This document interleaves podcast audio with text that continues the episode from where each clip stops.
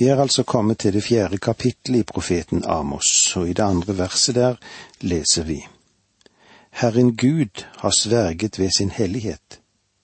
Se dager kommer over dere da dere skal slepes bort med haker, og de siste av dere med fiskekroker. Gud bruker bildet om å ha en krok i kjeven på Nordriket for å dra dem inn i fangenskapet. Vi taler av og til om at mennesker kan bli hektet på narkotika, og det er så. Et menneske kan bli hektet på besettende synd. Gud sier at dette folket er hektet for å få sin dom. De skal dras ut av landet. Vi vet at eh, de som virkelig erobret dem, førte dem i fangenskap ved at mange fikk en krok gjennom nesen. Vers tre Gjennom revner i murene skal dere gå ut, den ene etter den andre. Dere skal drives bort til Hermon, lyder ordet fra Herren. Faktisk så sier Gud til oss her, om du tror at fordi du er rik eller fordi du er en hersker og bor i et slott, så tror du at du blir spart. Da tar du feil. Og eh, vi leser de historiske analer at da Asyra til sist kom og tok dem til fange, så ble kongen også tatt. Det samme gjentok seg også da Sydriket ble drevet i fangenskap til Babylon. Og nå kommer vi til et fengslende uttrykk når vi leser vers fire og fem. Kom til Betel og synd, til Gilgal og synd til gangs. Bær slaktoffer frem for morgenen og tiende den tredje dagen. La røken av syret brød stige opp som takkoffer. Lys ut frivillig offer, gjør det kjent. Slik vil dere jo ha det, Israels sønner, lyder ordet fra Herren Gud. Jeg er eh, helt sikker på at du legger merke til at Amos her bruker en bitende sarkasme når han innbyr dem til å komme til Betel. Det var der de dro for å tilbe gullkalven. Kom til Betel og synd, til Gilgal og synd til gangs. Ordet Gilgal, det betyr sirkel, eller vi kan vel òg si det på den måten, rulle videre. Det var det første stedet Israel kom etter at de hadde krysset Jordan under Josva sitt lederskap, og det ble et hellig sted for dem. Senere ble det et sentrum for avgudsdyrkelse, og i denne forbindelsen har vi nå eh, fått det for oss med det som vi går igjennom, at Gil Gilgal er knyttet til avgudsdyrkelse så Amos innbyr dem til å synde til gangs ved Gilgal. Det ville være som å si i dag, kom til kirken og synd. Jeg håper at vi går til kirken for å gjøre det motsatte av nettopp dette. Amos bruker bitende satire og flengende anklage. Han presenterer denne ironiske og latterlige billedbruken for å gjøre folk oppmerksom på hva de faktisk holdt på med. Vet du at nå og da kan det faktisk være farlig å gå inn i kirken, eller gå til kirke. Ja, det kan jo være hva som helst, men det er som vi samles om Guds ord. Djevelen går også dit, vet du. Jeg tror han står tidlig opp søndag morgen, og der det forkynnes Guds ord, og hvor det undervises i Guds ord, så søker han alt han kan for å ødelegge undervisningen så godt som mulig. Det er en av årsakene til at du må be for presten, eller for predikanten, han som skal bære Guds ord fram, han som er knyttet til din kristenflokk. Djevelen behøver ikke å bry seg så mye om kirkelig strategi og kirke administrasjon eller hva det måtte være, eller kristne flokker som forflater og fornekter Guds ord. Hvorfor det? Jo, de er jo allerede i hans vold. Han får konsentrere seg om stedet der det finnes åndelig liv, og der Guds ord forkynnes klart og rent. Der har han strategien sin. Da Jesus var i ferd med å dø og hans fiender planla i detalj i forbindelse med dødsstraffen, så brukte han tiden på den øvre sal med sine tolv disipler. En skulle kanskje tro at dette var det helligste sted i hele verden akkurat da. En skulle nesten vente at djevelen var opptatt med de som planla å drepe Jesus. Men vet du hvor djevelen var den kvelden? Han var på den øvre sal. Han var ikke innbudt, men han var der. Satan hadde holdt sitt inntog i Judas Iskariot sitt hjerte. Han eh, skulle jo forråde ham. Og han gikk inn på den øvre sal på Judas sine føtter. Det var slik han kom dit. Og noen ganger finner djevelen sin vei også inn i de mest konservative krets, kretsene, på bena til menighetsrådsmedlemmer, kanskje. En eldstebroder, en pastor, en emissær eller en dørvakt. Det er tragisk å ikke være våken for fienden. Det å være likegyldig for hans arbeidsmetoder, det kan være farlig. På Amos sin tid kom israelsfolket til gudstjeneste og var utvendig så fromme, så fromme. Amos antyder at de ga et takkoffer med surdeig. Om du er kjent med Tredje Mosebok, så kan du synes det er underlig at de brukte surdeig i offeret, siden Skriften antydet at surdeigen representerer det onde. Ond eller feil lære og en dårlig livsstil. Under det levittiske system var surdeigen forbudt under påskefesten, under de usyrede brøds høytid og festen til minne om førstegrøten. Men ved pinsefesten skulle det være et måltidsoffer for Herren gjennom to brød, bakt av fint mel og med surdeig. Det kan du se om i Tredje Mosebok i det 23. kapitlet. Pinsen skulle peke på begynnelsen og opprinnelsen til menigheten. Ja, menigheten, ja, kirken, eller det sted hvor du går. Der har ennå ikke vært en menighet hvor det ikke har vært litt av surdeigen. Og eh, det vil si litt av misforstått lære og litt synd. Derfor er surdeigen inkludert i pinseofferet. Surdeigen blir også brukt i takkeofferet, slik som òg står i Tredje Mosebok i det syvende kapittelet der, hvor loven om fredsofferet var. Bærer noen det frem som takkoffer, skal han sammen med slakteofferet bære frem usyrede kaker med olje i, usyrede brødleiver, smurt med olje og hvetemel som er blandet med olje og knadd til kaker. Dette er den gudvendte siden av offeret. Du forstår at den Herre Jesus har gjort fred med Gud for oss. Fordi dette representerer Kristus, så er det ikke noen surdeig i dette offeret. Og i Det nye testamentet gjøres dette klart, da vi altså er blitt rettferdige ved tro har vi fred med Gud ved vår Herre Jesus Kristus. Og det var så langt vi kom i dag. Takk for nå må Gud være med deg. Dette undervisningsprogrammet består av to deler. Åge Nevland fortsetter nå med andre del av dagens undervisning. Vi er i profeten Amos. Du vet, Amos han var en som kom ifra det vanlige folkelaget, kan vi vel si. Han var en gjeter, men utvalgt av Gud. Han skulle ta det direkte til Israels folk, hva som ventet dem. Og eh, Vi er nå kommet til det fjerde kapitlet, og vi ser hvordan det er at Gud kan meddele en advarsel gjennom katastrofer.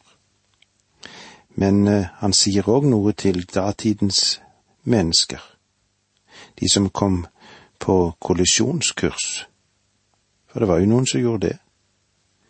Det degenererte folket var allerede blitt rammet av tunge dommer. De hadde opplevd hungersnød. De hadde vært innom ujevne regntider. Det var kornbrann. Oppsto pest og katastrofer. Men om alt dette skjedde, så ble de ikke vekket av den grunn. Det regnet på ett sted og ikke på et annet, og eh, de verste byene, de led mest. Men eh, folket, de vil ikke legge dette på hjertet sitt. Du må legge merke til når vi kommer innom dette mismodige referenget. Men dere har ikke omvendt dere til meg, sier Herren. Det kan være det er noe i dette, og kanskje du som hører dette, kanskje du finner nøkkelen til noe som er hendt i livet ditt. Det er underlig med Guds ord, og hva det kan tale til oss. Vi leser sammen versene fire og fem.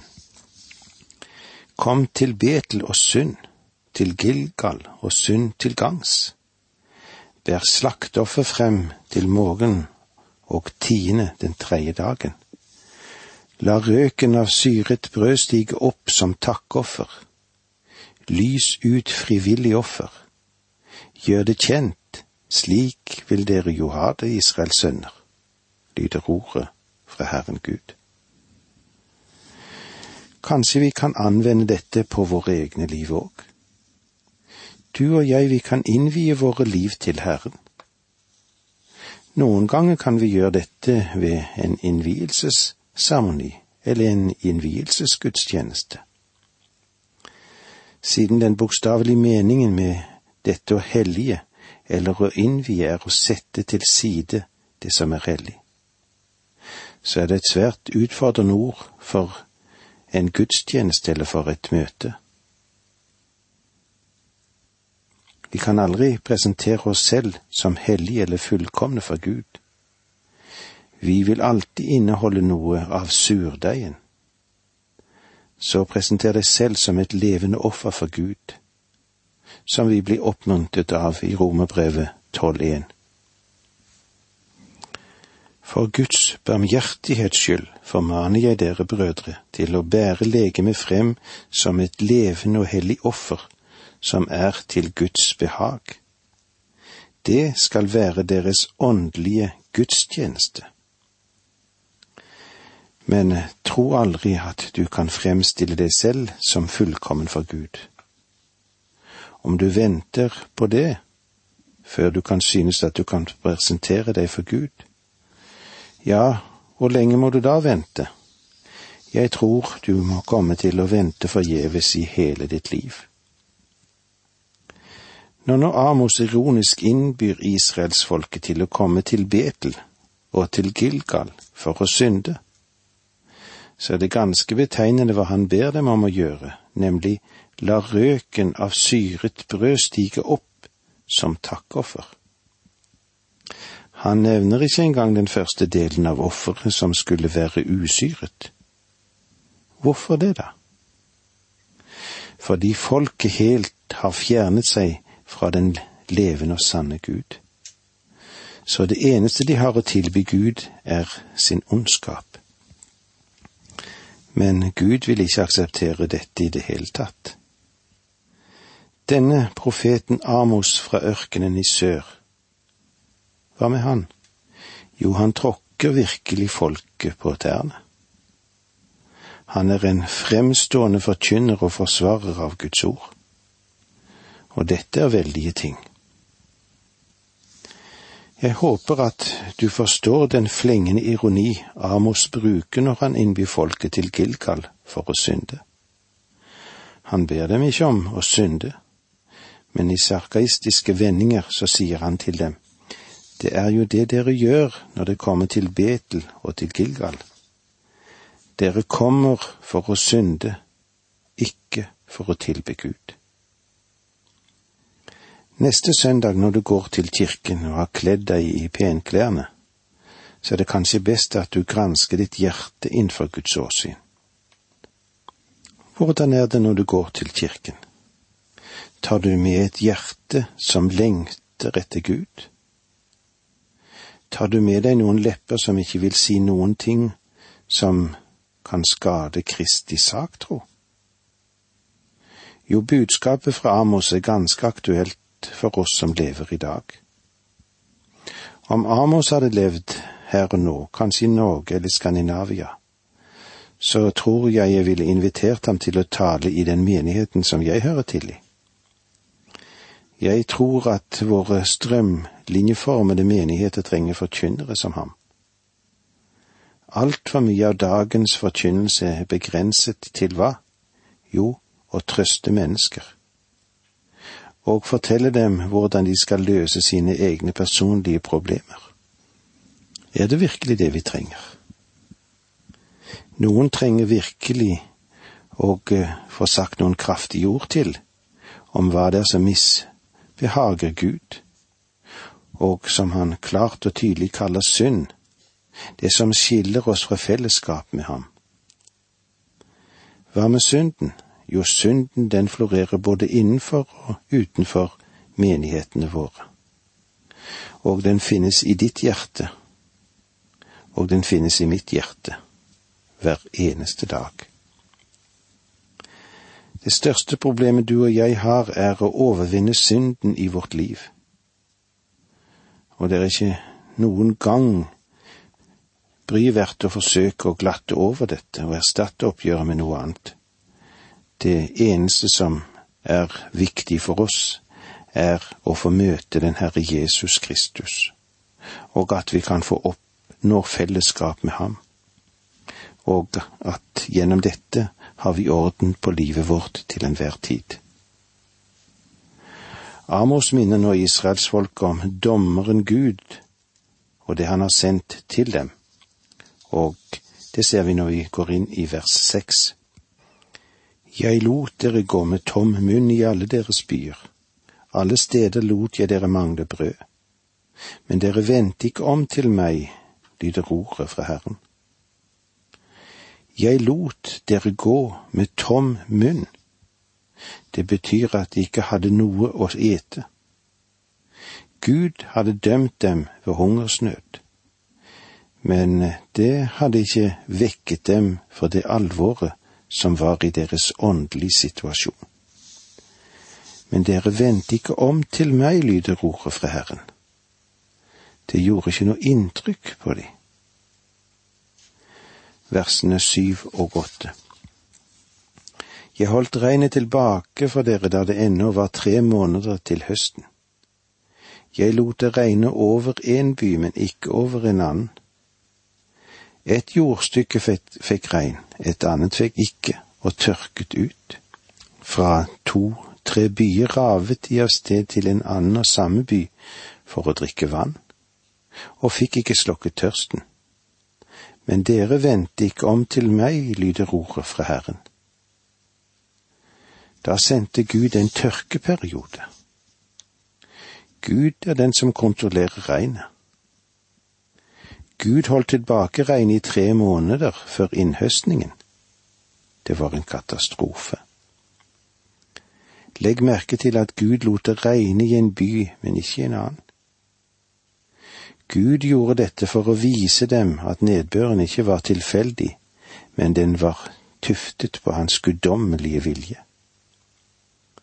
Tørken, den var så alvorlig at mennesker fra by til by gikk fra et sted til et annet, fra en annen by, for det fantes vann, og de bar med seg vann hjem i krukker eller skinnsekker. Dette burde ha fått dem til å tenke seg om og vende seg til Gud. Men dere vendte ikke om til meg, lyder ordet fra Herren. I vers ni. Jeg slo dere med kornbrann og rust jeg tørket ut hagen og vinkårene deres, og gresshopper åt opp fikentrær og oliventrær, men dere vendte ikke om til meg, lyder ordet fra Herren. Kornbrann og rust. Kornet ble bøyet av den intense og tørre vinden fra ørkenen i øst, og eh, de plantesykdommer som omtales var forårsaket av tørke og ikke av fuktighet. Og gresshopper åt opp fikentrær og oliventrær. Det henviser til en gresshoppeplage som åt det som var tilbake etter tørke og plantesykdommer. Men dere vendte ikke om til meg, lyder ordet fra Herren. Og med dette sier vi takk for nå, må Gud være med deg.